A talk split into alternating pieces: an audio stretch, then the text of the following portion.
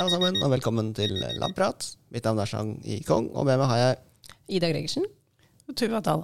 Og vi sender fra Institutt for indremedisinsk forskning ved Oslo universitetssykehus, Rikshospitalet. Velkommen, Tuva. Takk for det.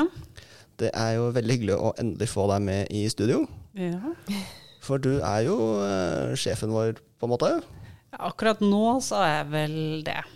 Men eh, til vanlig så er det jo Bente Mm. Halvorsen som er eh, sjefen for gruppa. Mm. Men hun utveksler. Ja, det går an å ha sånn professorutveksling. Selv professorer kan utveksle, ja. Så Mhm. hun eh, er da i Brigham and Women's Hospital, som er i Harvard. Mm. Hos da en som heter Peter Libby, som er ganske stor i atroskleroseforskningen, spesielt innenfor inflammasjon Mm. i atrosklerose. Ja. Og da vikarierer jeg. ja, hvor lenge skal du vikariere? Ja, det er jo det året da som hun er borte. Så et halvt år til cirka. Mm. Så vi har ett års utveksling. Ett års utveksling, ja. Men vi får ikke noen uh, professorer tilbake, da. Er det Fra vanlig? at noen skulle komme Ja. dit, får vi. Ja, det hadde jo vært litt artig. Sånn bytte, liksom? Ja, ja. sånn, ja. ja, ja. Det, det kunne jo vært artig, ja. fint. Jeg har ikke hørt om det. Nei. Men før vi begynner med dagens eh, tema, Tuva, kanskje vi kan be deg om å introdusere deg eh, selv og din forskning? Ja, det eh, kan jeg godt. Um, jeg eh, jobber da med eh, I utgangspunktet så jobbet jeg jo da med livsstilssykdommer. Men så har jeg jo da, etter at pandemien kom, så har jeg jobbet en del med covid-forskning, og spesielt da hvordan immunforsvaret responderer og er med på å drive sykdomsutviklingen. Mm. Så du, du ble på en måte kasta ut i covid da det kom? Ja, som de fleste andre så gjorde jeg jo det. Vi hadde vel eh, Når pandemien traff, så ble vi vel som de fleste andre ble den hjemme. Mm. Laben ja, laben ble stengt, ja. Mm. Med mindre man jobba med covid. Med, ja, ja. Med mindre man ja. jobbet med covid. Mm. Ja, dere startet vel litt før, for dere var vel blant de første som var i I karantene. Karantene. Ja, ja, Chang og jeg var eh, Stemmer det? to på et uker møte før. med noen Ja, var det Det må ha vært Nå husker jeg ikke. Ja, Jeg tror det var 14 dagers karantene. mars sånt gikk vi i karantene, tror jeg. Det var noe sånt, for vi var, Ja. eh, vi var i et møte med en av de aller første i Norge som fikk påvist covid. Yes. Riktig. Og da var det liksom helt Det var jo, ja, det var jo helt nytt, selvfølgelig. Så det var jo liksom ingen sånne retningslinjer på hva I hvert fall ikke de rundt oss skulle gjøre. Jeg husker jeg var liksom sånn ja, Samboer og venner jeg hadde vært sammen med, var sånn Ja, skal vi være hjemme? Jeg bare Å, aner ikke. Ja, jeg husker, Ingen også, visste. jeg husker jeg snakket med For Bente var jo også da på Ja, samme Bente møte. var også i karantene. Mm. Og at uh, dere hadde fått uh, svar på testen, var det ikke det? Da fikk dere lov å gå en tur. Men dere gikk på andre siden av gata når dere traff noen folk. Ja. Husker jeg. Jeg husker i hvert fall at det var helt sånn der surrealistisk opplevelse. Og I tillegg så var jeg på hotell når Bente ringte og sa 'du må hjem'. Og jeg bare 'kan jeg gå innom butikken'? Helst ikke. det kommer noen hjem til deg og tester deg, eller noe sånt, tror jeg. Men de gjorde jo ikke det da. Vi, vi gikk vel på Ullevål eller noe sånt. Men det var liksom, ja, det var virkelig sånn Vi fikk sånn kickstart, da. På, på pandemien. På, ja. En liten Ja. smaksprøve før alle andre. Ja, nettopp. Ja. Mm. Men ingen av oss fikk Ingen ble smitta da, da, av oss tre. Nei, jeg husker jeg fikk eh, forespørsel fra en journalist Okay. om uh, det var greit at de lagde en sak om at uh, jeg var i karantene. Å oh, oh, ja, gjorde de det? Ja. Det var ikke greit. Nei, nei. Men det, det tok jo ikke mange dagene og ukene før da det oppslaget kom med da en annen oh, ja, som var i karantene. da. Så det, det kunne vært mitt fjes på forsida av eh, en eller annen avis, men det ble ikke det. Nei. Ble ikke det. Nei. Nei, Jeg ble ikke ringt, altså. Jeg hadde sagt ja. Nei da. ja, nei, uff a meg. Det var, eh, det var veldig spesielt. Mm. Men nå, når vi slipper denne episoden, så er det jo da nesten tre år siden Ja. eh, Mm. pandemien traff Norge, i hvert fall. Hva har vi gjort eh, på forskningsfronten i løpet av denne tida? Ja, når, um, når det ble stengt ned, så var det jo også en del eh, studier som startet opp. Eh, og det var jo bl.a.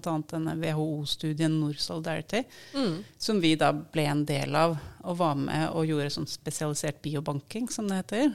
Mm. Og det var en sånn behandlingsstudie, ikke sant? der de testa ulike Det var en behandlingsstudie. mulige behandlinger mot Ja, da covid. testet de sånne antiviral behandling som skulle Mm. stoppe viruset fra å eh, replikere. Mm. Eh, og da testet du denne hydroksyklorokin, Mm. den som Don Trump tok eh, og promoterte. Og så var det Remdesivir, som var en annen type sånn antiviral behandling. Mm. Og det var jo mange land som var med, og i Norge så hadde vi da en sånn add-on-studie, som det heter, hvor vi gjorde litt dypere analyser.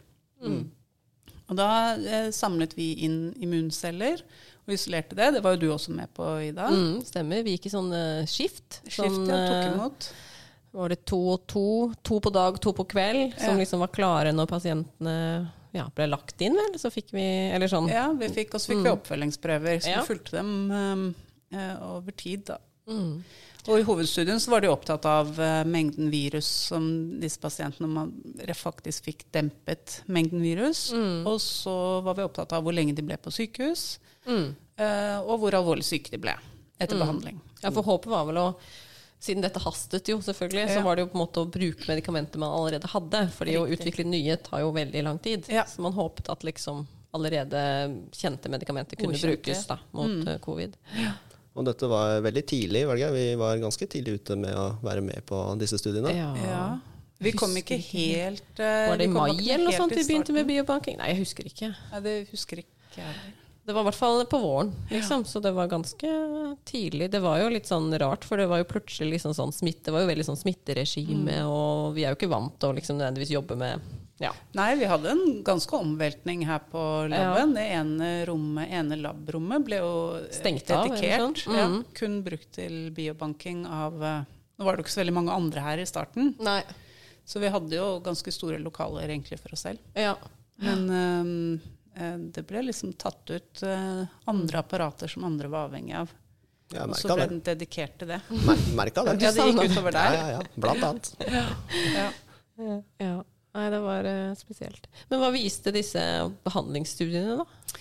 Nei, det ble vel ikke noe Det er vel ingen av de som ble tatt inn i eh, eh, behandlingsopplegget. Verken hydroksyklorokin eller remdesivir. Eh, den hovedstudien så fant man vel ingen eh, effekt på sykehusinnleggelse, og heller ikke noe effekt på virusload, eller mengden virus, Mm. eh, som ble målt i ja, den penselen dere husker. Mm. Mm. Ok.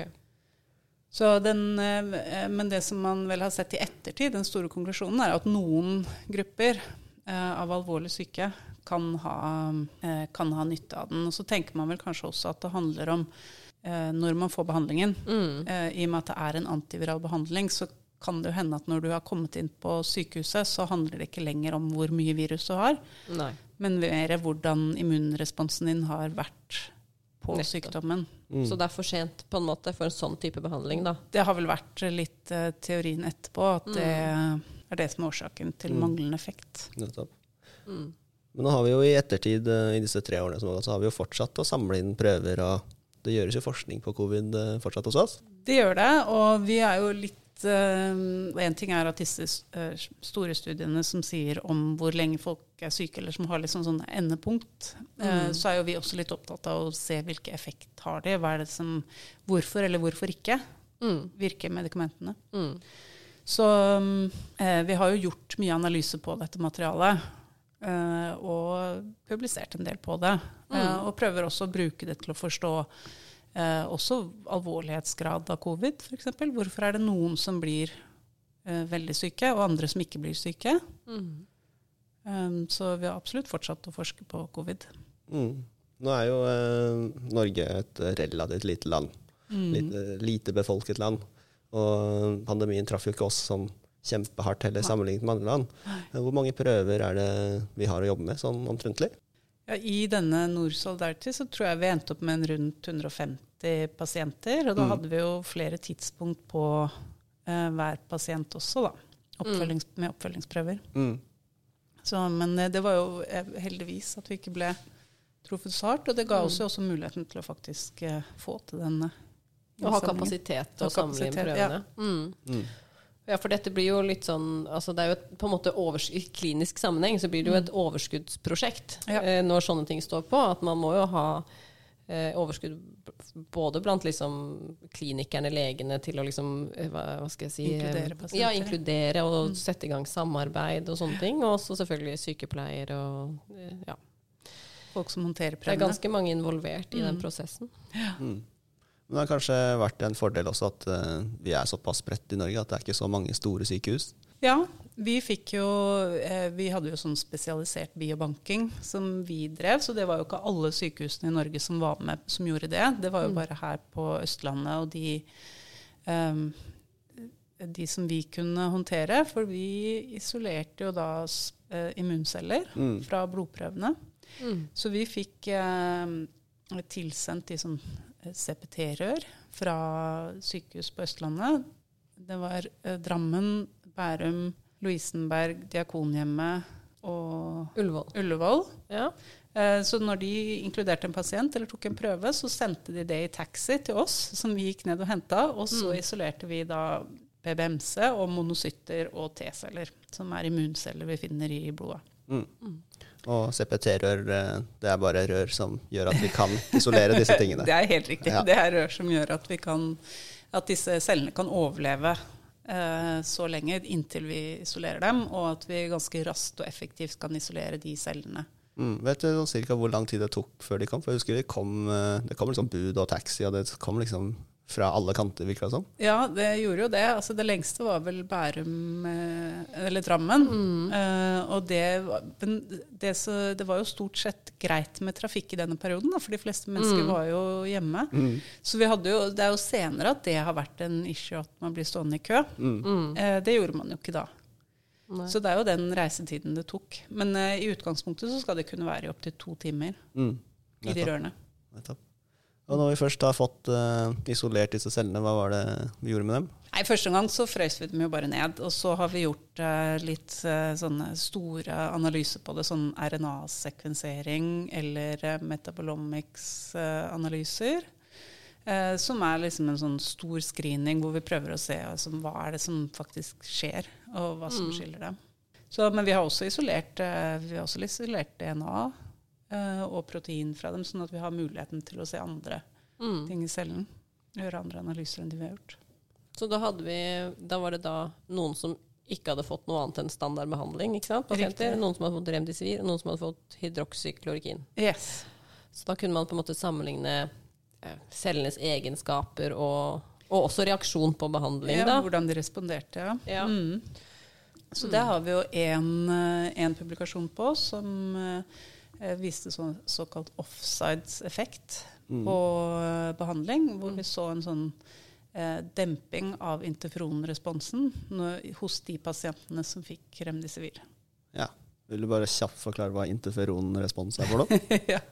eh, interferon er en viktig respons i virus når du har virusinfeksjon.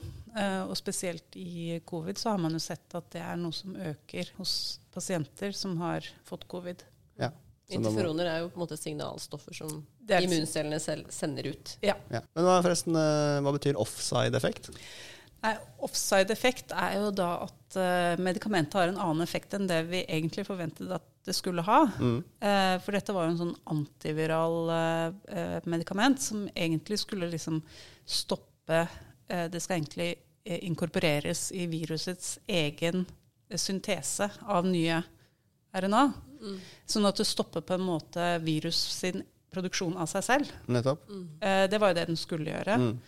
Um, sånn at en offside-effekt er jo en annen effekt enn den du faktisk forventer at viruset skal ha. Mm. Eh, og det som de viste i den hovedstudien, var jo at eh, du ikke fikk en lavere virusdose Nei. med dette medikamentet. Eh, og så har jo da, som jeg nevnte, WHO funnet ut at det er noen pasienter som kan ha en gunstig effekt av dette viruset, nei, av denne behandlingen Mm. uh, allikevel. Og da kan det jo hende at det har noe med denne interferonresponsen Mm. istedenfor um, den effekten man tenker at det skal ha. Ja. Og Nå snakker vi om remdesivir. Nå snakker vi om Ja, remdesivir. og hvem var det som da har en positiv effekt for, eh, på dette her? Ja, dette var en sånn stor oppsummering av mange studier som WHO kom med. Og da var det alvorlig syke som ikke fikk eh, respiratorbehandling eller eh, pustehjelp. Mm. Altså de som Eh, ikke trengte pustehjelp, men som- var innlagt på sykehus. Ja, som var alvorlig syke. Ja. Så Ja. de nest sykeste. var det. ja, man kan kanskje skalle det. det. Ja, så de hadde en positiv effekt, mens de som var på respirator, fikk ikke noen positiv effekt av det.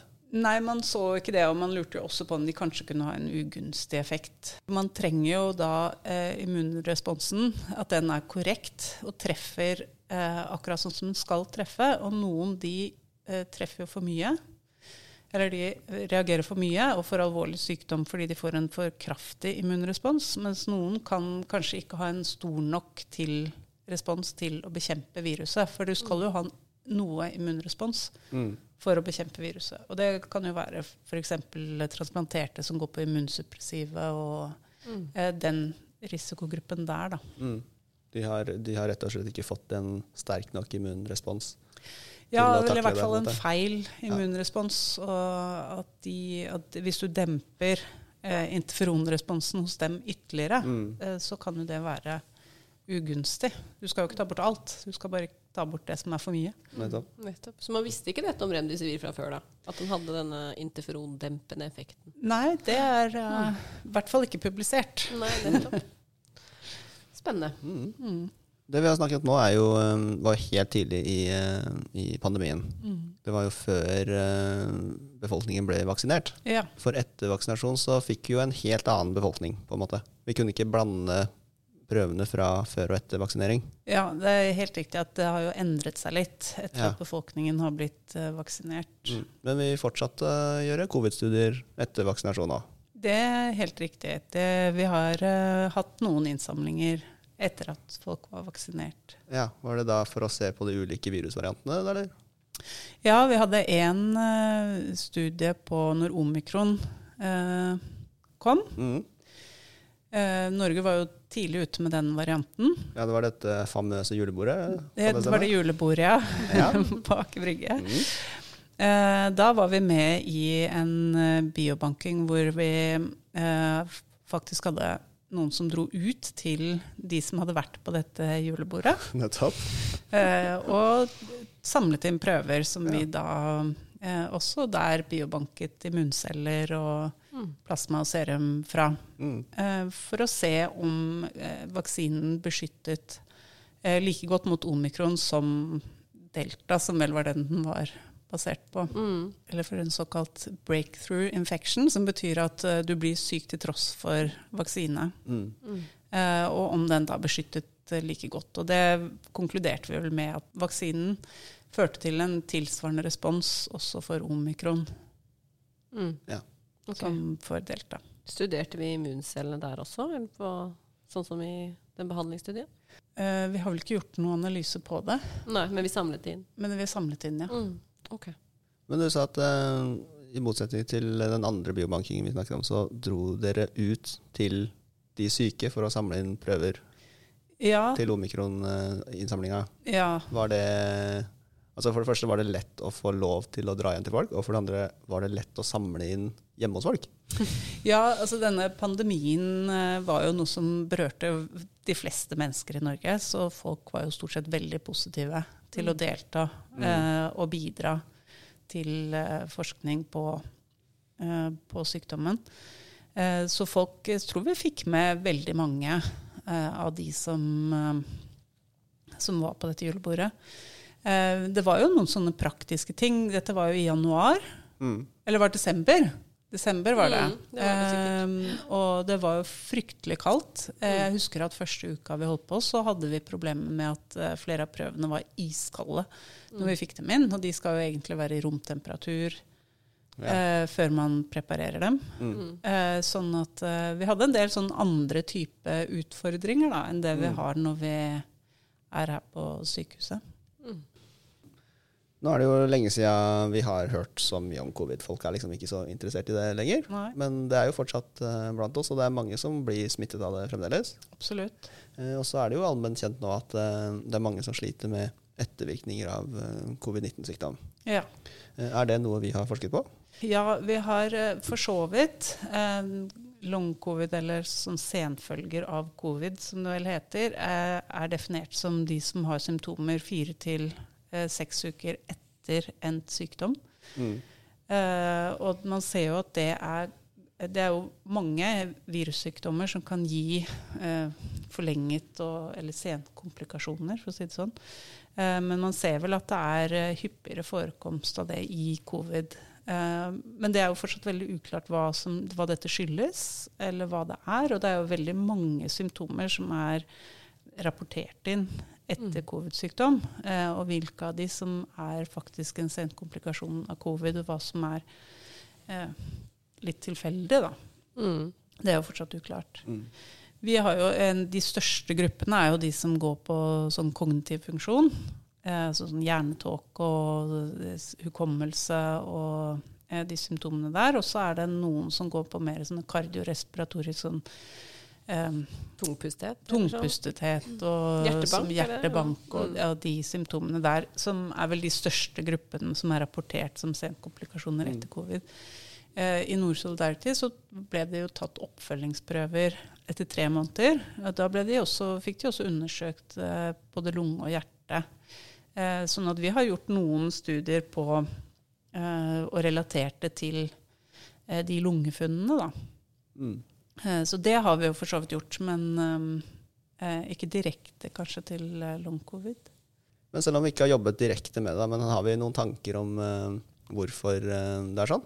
Ja, vi har jo noen, noen funn på bl.a. sånn senescence og exhaustion, som det heter på godt norsk. Ja, så, eh, der har vi det er senescence, som er den uh, litt sånn slitne ja, Utslitte celler. Utslitte celler, ja. ja. Mm. Eh, det man vet at sånne utslitte immunceller, de har jo ofte en litt sånn feil respons. Ja. Eh, og det kan jo, kan jo forklare litt uh, alvorlighetsgrad av sykdom, og vi vet at det kan også gi en økt risiko for hjertekar eller en del av de andre sykdommene som er de livsstilssykdommene, og alderdom. En del av alderdommen. Ja. Um, Men tenker vi da at disse cellene har jobbet så hardt uh, under infeksjon at de nå har liksom blitt slitt ut av uh, infeksjonen? En ting som kan føre til denne utslittheten, er jo sånne DNA reparasjonsaktivering av DNA-reparasjonssystemet. Mm. Eh, og det var jo en artikkel som Maria, som da ikke er her i dag, eh, hadde. Eh, hvor hun så at i akutt eh, covid-sykdom, at de mest alvorlige, de hadde en aktivering av dette DNA-reparasjonsapparatet. Mm. Eh, og vi gjorde også med, da, sammenlignet med noen data som var på andre sykdommer. Eh, som influensa og bakteriell infeksjon. Og da så vi at DNA-reparasjonsaktiviteten var høyere i covid-pasienter. Mm. Mm. sammenlignet med andre infeksjonssykdommer. Mm. Eh, og det er jo en hypotese vi har tenkt at det kan føre til en økt eh, aldring. Mm. Eh, og vi så jo også det at de som hadde lungefunn, det var jo en annen artikkel, som Tove ja, vel har vært her før, vært her før ja. Tove mm. Mm. hadde, hvor vi da så at de som hadde sånne senescens-markører, som var økt hos de som hadde da funn på lungene. Mm eller dårligere lungefunksjon. Og det var også tre måneder etter? Tre måneder etter uh, covid. Mm. Så det er jo én hypotese vi har hatt, at det kan være, spille en rolle for uh, senkomplikasjoner. Ja. Mm. Så hvis vi skal oppsummere litt, så er det altså uh, vi ser mer DNA-reparasjons... Uh, altså at DNA-reparasjonsapparatet er mer på. aktivt ja. i pasienter med covid-19-sykdom. Altså i immuncellene deres. Eh, I alvorlig covid-19-sykdom så er det eh, økt DNA-reparasjonsaktivitet. Ja. Kan vi da anta at det er mer DNA-skade i disse cellene? da? Det skulle vi jo tro, men det var det jo ikke. Nei. Mm. Nei. Eh, så, men det er jo en god nyhet, for det betyr jo at, at det er kanskje derfor Eller det betyr jo at DNA-reparasjonsapparatet faktisk har klart å reparere. Mm. Mm. Vet, ja, og så vet vi jo at DNA-reparasjonsapparatet har mange andre Mm. Viktige oppgaver. F.eks. inflammasjon, da, som, du, ja. som, vi snakker om, eller som vi jobber mye med her. Mm. Så, ja. Men man vet vel kanskje ikke helt Man vet vel ikke konsekvensen av det. Men det, det, viser jo at det er noen forskjeller der på en måte som har vært undersøkt nærmere. Ja. Mm. Absolutt. Og mitt poeng er at hyppige DNA-skader mm. eh, det øker jo hastigheten på altså, aldring da, av en mm. celle. Nettopp. Som gir, gir de da senescens, som kanskje er mer aldring enn ikke bare utslitt, men de er gamle òg. Ja, det er mm. riktig. Så nesten så er aldringa mm. og exhaustion. ja. Mm. Slitt. Både slitne ja. og gamle. Mm. mm. Men har vi noen eh, pågående studier nå på covid eller long covid her hos oss? Eh, vi har i hvert fall samarbeid med eh, noen forskningsmiljøer i Bergen. Eh, som har publisert en del på long covid. Og der vi, eh, gjør vi noen analyser for å prøve å skrine og kunne plukke ut hva som skyldes Eller prøve å forstå noen mekanismer, da. Mm. Eller markører for utviklingen av long covid. Mm. Men det er pågående, og der har vi ikke så mye data ennå. Nei. Nei. for det blir jo viktig Eller det er jo selvfølgelig viktig å, å vite hvorfor noen utvikler long covid, og noen ikke gjør det. Det er absolutt. Mm. Hvis man skal uh, Både for å kunne forebygge, hva er det, kan man plukke ut hvem det er som utvikler long covid, og behandle mm. dem i den akutte fasen, men også for å se er det noen prosesser som pågår som vi på en måte kan målrettet behandle mm. hos de som har utviklet mm. symptomer, eller utviklet long covid. Ja, og som du sa, Chang, så altså, i Norge er vi jo heldige og har god vaksinedekning. Og de som får covid her nå, er i hvert fall stort sett blir ikke like syke som i starten. Men eh, sånn er det jo ikke nødvendigvis i resten av verden. Så. Nei. Og det er nok mm. en annen gruppe som blir alvorlig syk nå mm. ja, nettopp. enn før. Så det er fortsatt uh, mye viktig forskning innen covid som uh, ikke er utført. Absolutt. Mm. Jeg er nok ikke helt ferdig med pandemien ennå. Selv om vi skulle ønske det. Selv om vi skulle ønske det. Mm. Men da er det kanskje på tide med episodens uh, Eureka. Mm. Dessverre Men Maria er jo ikke her. Nei, dessverre er jo ikke Maria her i dag. Og vi har jo prøvd uh, hver vår gang å ta en Eureka uten Maria. Ja, stemmer det. Med blandet hell og uh, tilbakemelding. Ja, det ja. stemmer også. Ja, hvem er det som tør å ta den i dag? Nei, jeg har meldt pass. Ja. Okay. Men jeg gjør et forsøk til, og så får vi høre hva Maria sier når hun kommer tilbake. Ja, gjør det. Temaet for episodens Eureka er eh, relatert til noe vi har snakket om. Mm -hmm. Litt om eh, hvordan immuncellene fungerer. For vi skal snakke om noe som heter fagocytose. Okay. Og det vet jo dere hva er. Spennende. Ja. Cellespising, ja. kan man si det? Mm. Ja. Og det er da en forsker på slutten av 1800-tallet som heter Ilja Metsjnikov. Han er da fra Kharkiv i dagens Ukraina. Okay. Eh, den gang da en del av det sovjetiske imperiet. Han studerte da larver fra sjøstjerner, og da fant eh, fagocytose i eh, cellene deres. La, bare, larver fra sjøstjerner. Fra sjøstjerner. Jeg visste ikke at sjøstjerner hadde et larvestadie, men de har det. Okay, ja, sånn, ja. ja. Mm. Nå er jeg med. Ja. ja det, det, visste ikke jeg heller. Nei, ikke jeg heller. det tok litt tid før jeg klarte mm, fikk et, Du fikk et lite eureka-moment. Ja, det holdt jeg holdt det bare der. Kan stoppe nå. Nei da. han var uh, zoolog. Okay. Uh, hadde en litt trøblete tilværelse som forsker, mm. uh, men eh, etablerte seg etter hvert i Messina på Cecilia. Og han forsket da med embryologi, altså utviklingen av et embryo. Mm. Og dette var da i 1882. Eh, og det var jo da tid da mikroskopet var et uh, viktig forskningsverktøy for uh, biologer som var ute og forsket. Mm.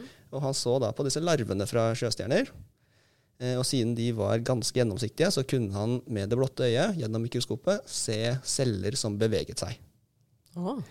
Eh, og det var da her han skulle ha sitt eureka-øyeblikk. I hvert fall ifølge hans egne memoarer. Eh, noen mener at dette er myte han har funnet på selv, men historien er uansett eh, ganske god.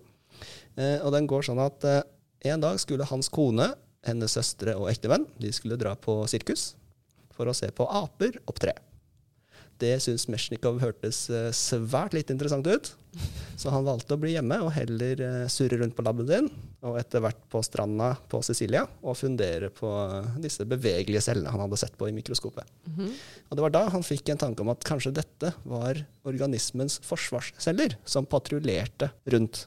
Og måten han testet dette på, mm -hmm. var å stikke disse larvene med noen torner fra busken i hagen.